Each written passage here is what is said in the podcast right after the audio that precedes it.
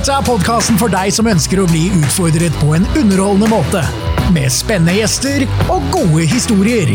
Fra studio på Solsiden i Trondheim, du hører på Rastløs.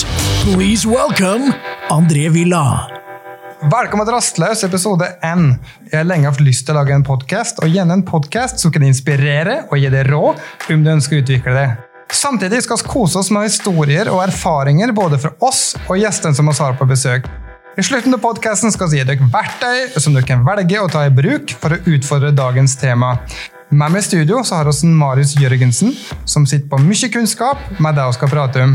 Marius leser bortimot 100 bøker i året, men er tross alt utrolig rastløs på samme måte som meg. Ta vel imot Marius Jørgensen! Tusen takk. Takk for fin intro. Dagens episode det handler egentlig ut av komfortsona.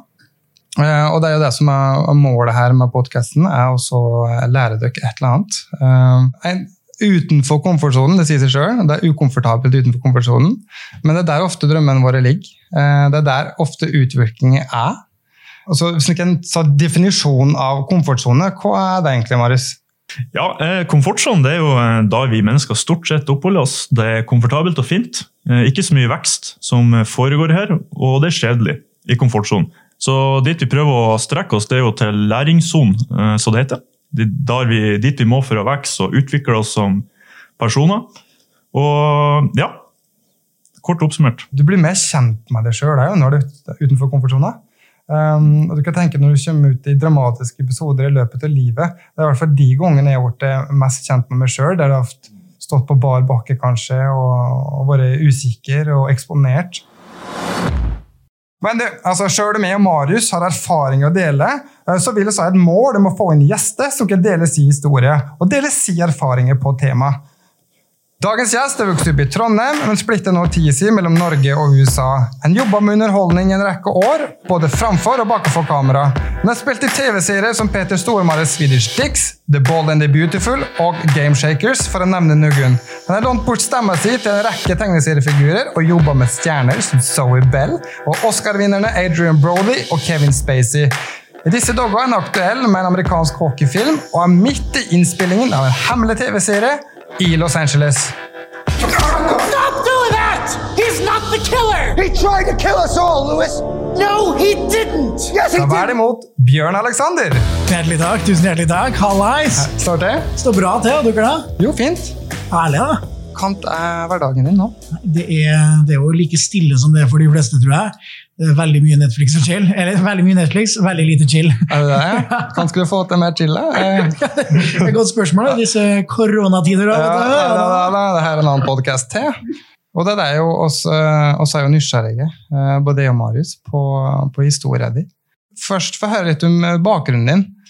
Eh, Altså fra Trondheim til Los Angeles. Her er det noen som har satsa. Ja, satsa og satsa. Eh, Det startet vel egentlig i Mo i Rana. Eh, Vokste opp i Trondheim, men eh, født i Mo i Rana. Eh, Kom til Trondheim og eh, har gått på skole her. Eh, Ønska alltid å jobbe innenfor underholdning. Dro til USA på en, på en liten ferie. Trivdes veldig godt og tenkte her hadde det vært koselig å bo. Så har jeg vært mye fram og tilbake. Vært heldig og truffet på et par hyggelige folk som har introdusert meg til andre hyggelige folk, som har putta meg i en posisjon hvor jeg hadde mulighet til å kunne få lov til å jobbe innenfor TV- og underholdningsindustrien i USA, som har vært kjempespennende. Um, så har jeg liksom prøvd å fatte og gjort mye av de her tingene i Norge, men av en eller annen grunn så blir jeg alltid dratt tilbake til den amerikanske verdenen. Da. For eh, det virker som at det er mer attraktivt for det amerikanske markedet enn for det norske markedet. Og du er det, ja? Jeg føler det. Kort oppsummert, din historie. Så er det jo ikke tvil om at du har vært inne på det som er tema for dagens eh, episode. Så du måtte jo ha vært utenfor komfortsona mange ganger for å komme dit eh, du er i dag. Har du noen spesielle historier der, der du har vært ute av den? det som har vært greia for min del, er at jeg har aldri, altså jeg har alltid vært naiv nok til ikke på en måte innsett at det har vært utenfor komfortsonen. For jeg syns alt som er generisk, er kjedelig. Uh, så jeg har alltid liksom tatt heisen opp til liksom, uh, tre, tre etasjer over der, uh, der, der det er vanlig. Og jeg trivdes veldig godt der, men aldri skjønt at det egentlig har vært utenfor komfortsonen. At det er det som har trigga meg. Så i ti år så har jeg egentlig bare fjasa rundt og ikke skjønt at jeg har vært utenfor komfortsonen. Men jeg fikk en sånn åpenbaring for eh, det er ca. et halvår siden da jeg jobba på den hemmelige TV-serien som jeg holder på med nå, eh, hvor jeg kom ut på sett og eh, ekstremt stort sett en altså, veldig stor, stor produksjon med masse trailere, masse kamera, eh, 200 stykker i crewet, hvor da jeg plutselig fikk et sånn her lite Jeg skal ikke, skal ikke kalle det et nervesammenbrudd, men jeg fikk en sånn liten Oh shit, hva, hva er det jeg holder på med? Her tror de at de har hyra en skuespiller, men i realiteten har de bare hyra en eller annen idiot fra Kolstad som har klart å prate seg til, prate seg til den jobben. Eh, så da satt jeg inni traileren min og tenkte uh, pokker, jeg, jeg vet ikke om jeg tør å gå ut. Er, altså, er jeg kvalifisert for å gjøre det her? Er, det her, altså, er jeg laga for å gjøre det her? Eh, kom ut på sett. Vi gjorde to tagninger som var helt elendige, uh, før jeg omsider da klarte å bare legge alt til side og bare være meg sjæl igjen. da. Og Det var først da at jeg på en måte klarte å levere en bra, en bra scene, men jeg merka etter at jeg hadde vært, uh, vært på sett, så var jeg nødt til å gå tilbake i traileren min og sitte der og bare rewind, og, og så kom jeg tilbake til meg sjøl. For, for det var første gang hvor jeg følte at jeg var litt på utsida av meg sjøl. Wow, det her er jo det er superinteressant. Eh, Det er, altså, tenk på hva livet ditt har vært hvis du ikke har tort å gått ut av komfortsona den gangen. Så Ja. Fått kelleføtt eller trukket det fra det. Og det er jo her vi blir satt på prøve så mange ganger i livet. Du kommer til et veikryss, og så er det innenfor komfortsona å gå til venstre, og utenfor komfortsona å gå til høyre. Um, et mål vi har med podkasten, er altså å gi dere noen tips. og Her er jo et tips som har fungert for meg. Um, se for deg at du, du, tegner, du skriver ned alle de negative tingene med deg sjøl på et ark. Og så tegner du et dyr som representerer alle de negative tingene. Og så gir du um, dette dyret et navn som representerer dette dyret. Og så du det motsatte med alle de positive sidene med deg sjøl. Skriv ned alt ned på et ark, tegne et dyr. Altså Det positive dyret kunne være løve, negative dyret kunne være rotte, f.eks. Jeg vet det høres rart ut. Eh, og så gir du da denne løva et navn.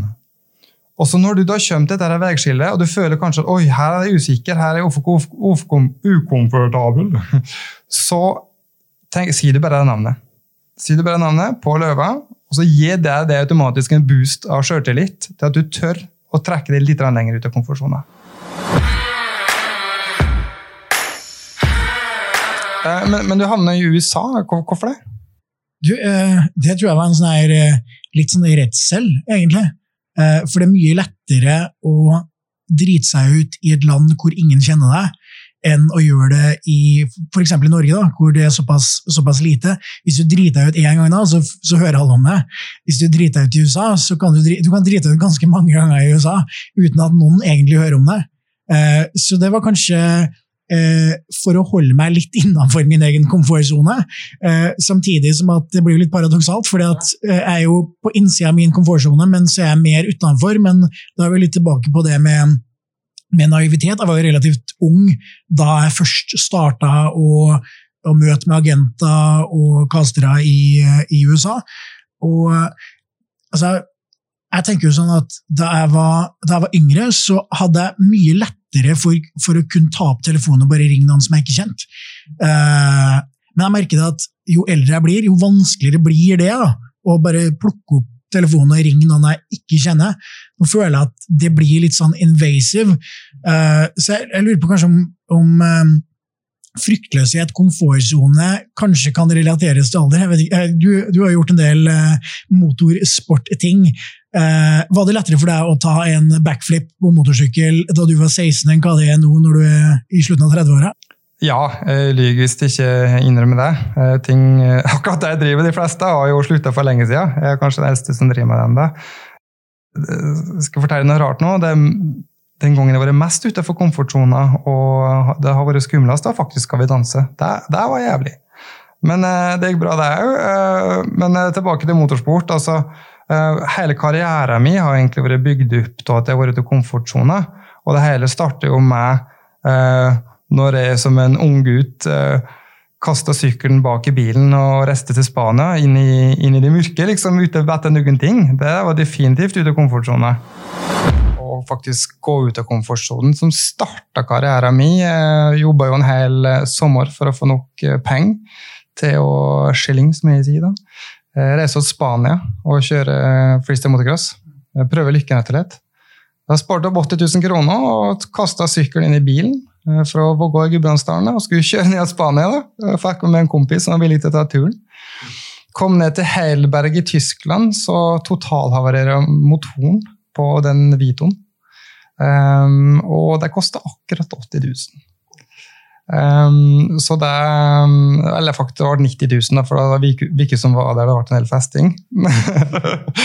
Men i hvert fall, det var jo på en måte um, en av de episodene som, som jeg virkelig var ute av komfortsonen. Altså bare gir deg det å hoppe ut i det. Uh, samme måte som jeg trodde kanskje du hadde noe med, med tanke på USA, så er det superinteressant at du sier det her med at faktisk var litt omvendt. da, At det kom det fra Norge. Ja, nei, altså, jeg tror For min del så, uh, så på en måte kommer det ned til den litt unge naiviteten. da. uh, at det er mye lettere å prøve seg på en arena hvor ingen har noen forventninger til deg, enn å hoppe inn i, hoppe inn i en industri da, hvor folk har en forventning, og hvis du driter deg, hvis du går på veggen, så er det eh, vanskeligere å, å reise opp. da. Ja. Og Derfor er det kanskje et så lite podkast her i Norge. Hva skal, kan du si til lytteren eh, hvis de vil ut av komfortsonen? Altså, jeg, jeg, jeg tror det handler om på en måte å, å tenke annerledes og ikke på en måte sammenligne seg sjøl med andre hele tida. Jeg tror at man skal gå mer etter de følelsene man har, det man egentlig har lyst til å achieve, i mangel på et uh, norsk ord.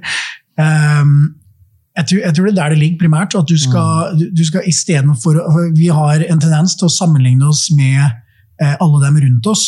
Eh, jeg vet ikke om du føler på det, men, eh, men det er veldig sånn typisk at når du kommer i en viss alder, så er det forventa at da skal du ha eh, da skal du ha en stasjonsvogn, da skal du ha et hvitt gjerde, da skal du ha en leilighet. Eh, og når du har på en måte bikka en viss alder igjen, så skal du ha dame, du skal ha, du skal ha familie, eh, og du skal ha stabil jobb. Og For min del så, altså Alle kan ikke tenke sånn, eh, men for min del så har det alltid vært greia mi at jeg er mer lykkelig i en situasjon hvor jeg kan utfordre meg sjøl, enn å på en måte conforme meg sjøl til resten av samfunnet, sånn som samfunnet er bygd opp. Så for min del så er det en sånn her evig fight imot alle samfunnsnormene og alle reglene, for jeg liker å bryte regler. Eh, Jeg syns det er kjempespennende å bryte regler, og jeg er veldig glad i å tøye strikken. Eh, Og det tror jeg også du må være for å kunne gjøre de tingene du gjør. Backflip på, eh, på motorsykkel, da, da må du være villig til å tøye strikken litt, litt ekstra. Ja, det har jo egentlig vært en del av livet det. Fra du vokser opp i Gudbrandsdalen med naturen som lekeplass og all slags aktivitet. eh, Og, og trekke strikken. Og det er noe som du på en måte tar med deg videre etter karriere òg, men den må jo ikke ryke, da. Så altså, Nei. finne den her balansen som er kunsten, og det er kanskje litt derfor jeg sitter her nå. Men du har jo nå eh, gått ifra en eh, motorsporttilværelse hvor eh, i ytterste konsekvens så kan ha døden til følge, eh, til å ha blitt skikkelig familiekar. Du, eh, du holdt til i, eh, i Trøndelag med, med dame og barn og, og hele pakka. Hvordan, hvordan vil du beskrive livssituasjonen din nå? i forhold til hvis du sammenligner, Er du, er du komfortabel? Syns du den er kjedelig? Syns du det er generisk? Får du sikkert huet ditt slått av dersom, dersom du sier feil og, og fruen hører på. Nei, altså det, det her er i hvert fall skumlere enn å ta baklengssalto på motorsykkel. Ja. Det driver med akkurat nå. Men eh, altså, liksom, situasjonen er så altså, Jeg reiste jo rundt en 280-90 dager i året før. Bodde jo i California og Spania, um, så jeg switcha mellom de to plassene der. Um, og har jo nå trappet ned på konkurreringer. Og fannet da ei snelle fra Trondheim, da. Ja. Uh, og havna her. Um, og har da en fireåring her nå. Eh, og nå er det familielivet. Nå, Først så var liksom det jaget om å bli best i verden på freestyle motocross. Men uh, nå jager det å bli så god far som mulig. Uh, så bli god samboer som mulig, og bli bedre på alle punkt og utvikle seg. Og det er egentlig det som er grunnlaget til at vi har laget denne podkasten tøyer du også strikken i privatlivet? Altså, kan du på en måte bruke de erfaringene du har fra motorsport, til altså, Kan du bruke mye av de erfaringene i ditt private liv, noe som uh, potensielt verdens beste, beste barnefar? Ja, ikke sant? Jo, jeg, jeg tror nok det at eh, jeg har jo hele tiden haft uh, tøyd strikken. eh, og innenfor business òg, så kan jeg kanskje dra strikken litt langt, eh, i den form til at jeg er på en måte mer villig til å ta risiko. Det er ikke nødvendigvis støtt positivt. Men jeg er ikke redd for å prøve nye ting, Nei. og jeg er ikke redd for å kaste meg ut i det og, og gjøre feil. Og der tror jeg en ting som jeg, jeg tror ikke Marius, at altså det å gjøre feil er en annen ting som folk er fryktelig redde for, og holder folk tilbake. Veldig, veldig godt poeng. Det er en veldig, det er en veldig stor del jeg tror det her eh, mellom der du er og dit du skal. Så, man, man, lærer seg å få et godt forhold til dem og feil. Så tror jeg nesten mesteparten av jobben er gjort, kan du si. For man, man blir jo feil uansett. Og har, har, et godt forhold til det. Og til slutt kanskje liker å feile, faktisk. I hvert fall liker risikoen for å feile, for da vet du at du vokser. Ja, liksom, Marius, du kan kanskje si litt om hvordan, eh, hvordan et vanlig menneske egentlig reagerer på denne eh, frykten for å feile? Ja, altså, Det er jo ikke noe fasit på det, men jeg føler at, at uh, det er slags Man kan kategorisere det på en liten måte. ikke sant? Du har, til høyre så har du sikkerhet, fast jobb. Mm. Det, er mye, det, er mye, det er mye mindre som kan feile. Og så har du kanskje på venstresida, der både dere to er, og til viss grad er og mange vi kjenner, har du gulrota er frihet. Men da kommer det ekstremt store risikomoment både for å dumme seg ut, økonomisk risiko så klart, for det er jo ikke en fast jobb. Det er så, Og spesielt på FMX så er det jo veldig stor risiko. Det blir noe helt annet å gjøre en middelmådig jobb da, for da ender vi jo med en halv backflip. ikke sant, i verste. det er jo praktisk. Enn å, ja. Så hva du, hva du føler om det med risiko i forhold til din bransje? Altså, jeg, altså, jeg vil ikke ha den faste rammen, faste jobben. Altså, jeg forutsigbar, Forutsigbarhet. Jeg, liksom, jeg liker å til tider har det vanskelig, faktisk òg. Jeg liker at det er opp til meg til å legge opp livet. Da. Um, så um, Frihet, rett og slett? Ja, den friheten er så viktig. Mm. Jeg vil ikke at noen skal fortelle meg hva jeg skal gjøre, jeg vil ikke at noen skal fortelle meg hva som skal ete, hva jeg skal mm. si. Uh, så jeg må være min egen, egen sjef, og jeg er vel den typen, da, og det er vel sikkert du og Bjørn Alexander, du Det hva som har hørt nå. Jeg snakker litt om det, det står det her med unagreeableness, kaller de det jo i psykologien. og det er jo akkurat det Bjørn har forklart. Han liker ikke å være inne i ramma, eller boksen, som han kaller det. Eller status quo, som han kaller det. Så ja. hvorfor liker ikke du å følge regler, Bjørn? jeg hadde ikke lyst til å være som alle andre. Og jeg har alltid vært livredd for å havne i denne greia hvor, hvor, jeg, hvor jeg på en måte en del av samfunnet sånn som samfunnet forventer at du skal være. Uh, så for min del, Til syvende og er det bare en sånn her uh, kontinuerlig fight imot alt. så det er sånn, Hvis du sier 'Bjørn, sitt der', da kommer jeg til automatisk å sette meg på et helt annet sted. Og det, det, det, er ikke, det, er ikke, på pur faen. Det er mer en sånn her uh, du er klar over at det der vanlige folk sitter, men jeg er unormal. Jeg, det er noe gærent med meg, så jeg foretrekker å sitte her. Det er, jo, det er jo det vi snakker om. Det er jo et personlighetstrekk. Ja. Så hvis man skal stole på psykologer, sånn, så mener de jo at du er sånn. Du er født sånn. Du er bare pronert for å ikke like å følge reglene. Og det er jo litt artig, for det er jo det er et fellestrekk i både forsvarsadvokater, forretningsfolk, skuespillere og alt. Ja. Så, så, så, det er litt interessant. Innimellom så lurer jeg på om jeg har en personlighetsforstyrrelse. Du har det? Jeg begynner, begynner å lure. siden at jeg... Etter klokka Og der er jeg, da. Ja, der er du òg. Ja. Det heter jo at alle har tre personligheter. Sånn hvis man, hvis man slår helt over til en spirituell verden, da, ja. så er det noe som heter self, noe som heter tenken, og så har du egoet.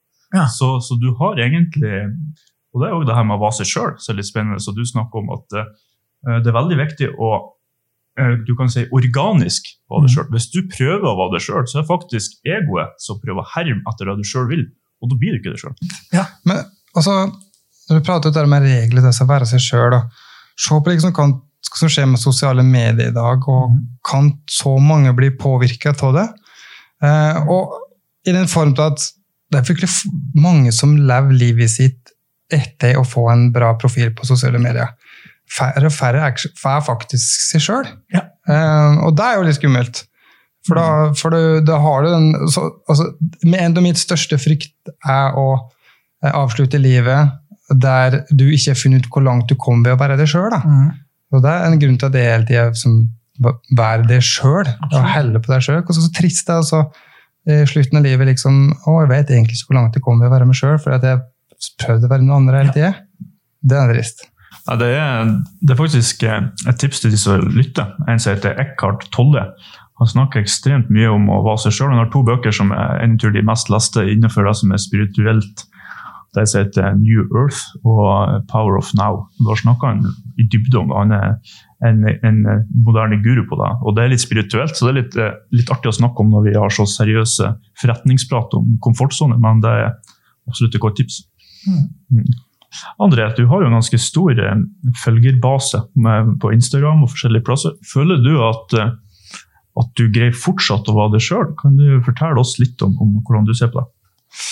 Jo, eh, det er jeg, Altså, helt ærlig med deg Det er innafor det. Så, ja, så Jeg er ganske drittlei sosiale medier. Jo, men alle, det her kan vi jo snakke om, for det her er jo et, et midnight show, kanskje, eller en, en høyttakerpodkast. For alle har jo det en slags boks. Det er tøffing og backflips og FMX, men nå har du flere hatter. ikke sant? Ja. Hvordan, hvordan tenker du på det?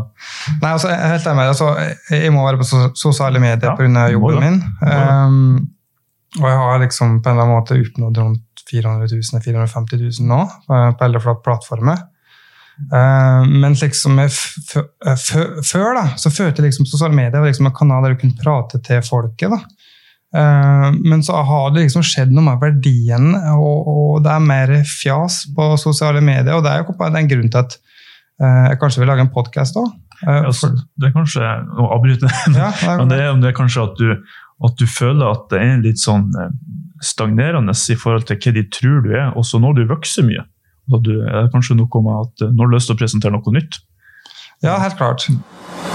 Så Bjørn, har du, noen, har du noen tips til de som kanskje ikke er like risikovillige som eh, de guttene som sitter her, det er André, for å tørre å være seg sjøl? Tørre å ta høyere risiko sosialt og karrieremessig? Altså, nå spør du jo en som lever av å være andre folk, da. Ja, det er sant. Godt poeng. Eh, men uh, Nei, altså eh, jeg, jeg tror det bare handler om å se seg sjøl i speilet og vite at du er god nok. Um, Mm. akseptere til, til syvende og sist, så hvis noen ikke er villig til å akseptere deg for den du er, så er de i, altså, det er ikke verdt å ha de folka i livet sitt. For det er ikke noe vits å på en måte prøve å være noe du ikke er, for til syvende og sist så blir du sliten av det. Eh, det, det går på selvtilliten løs.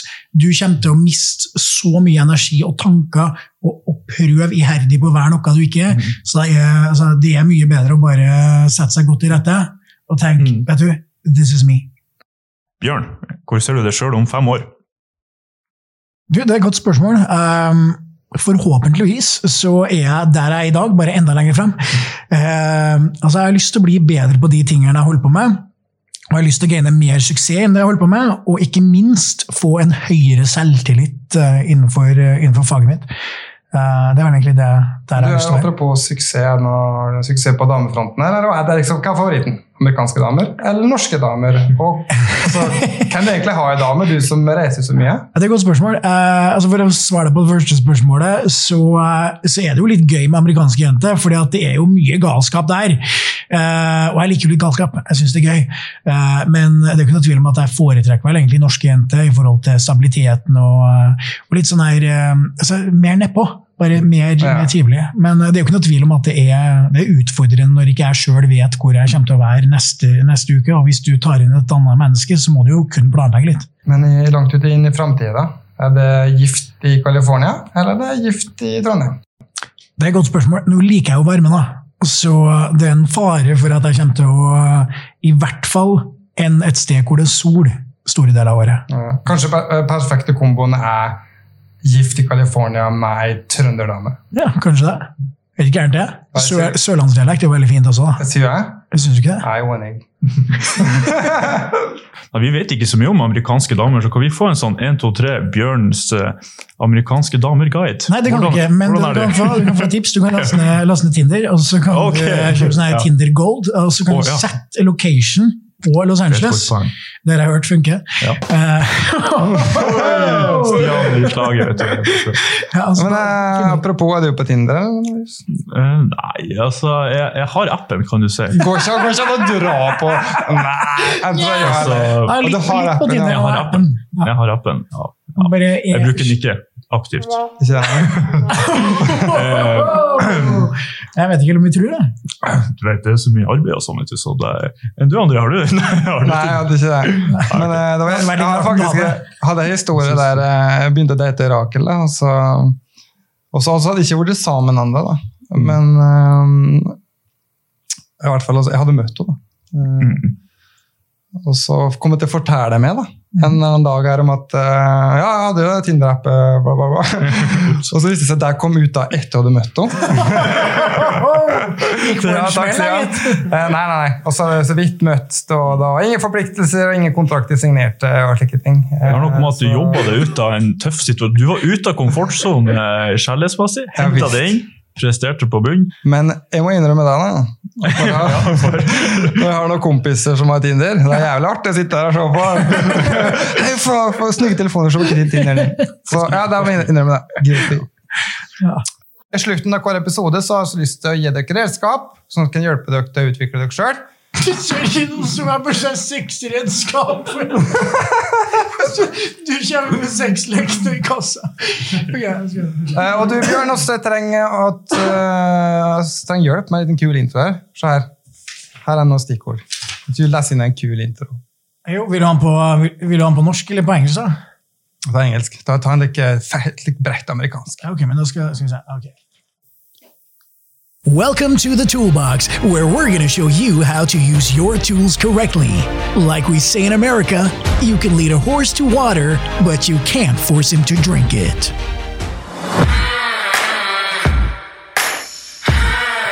Har du noen tips for å nå målene våre utenfor komfortsonen?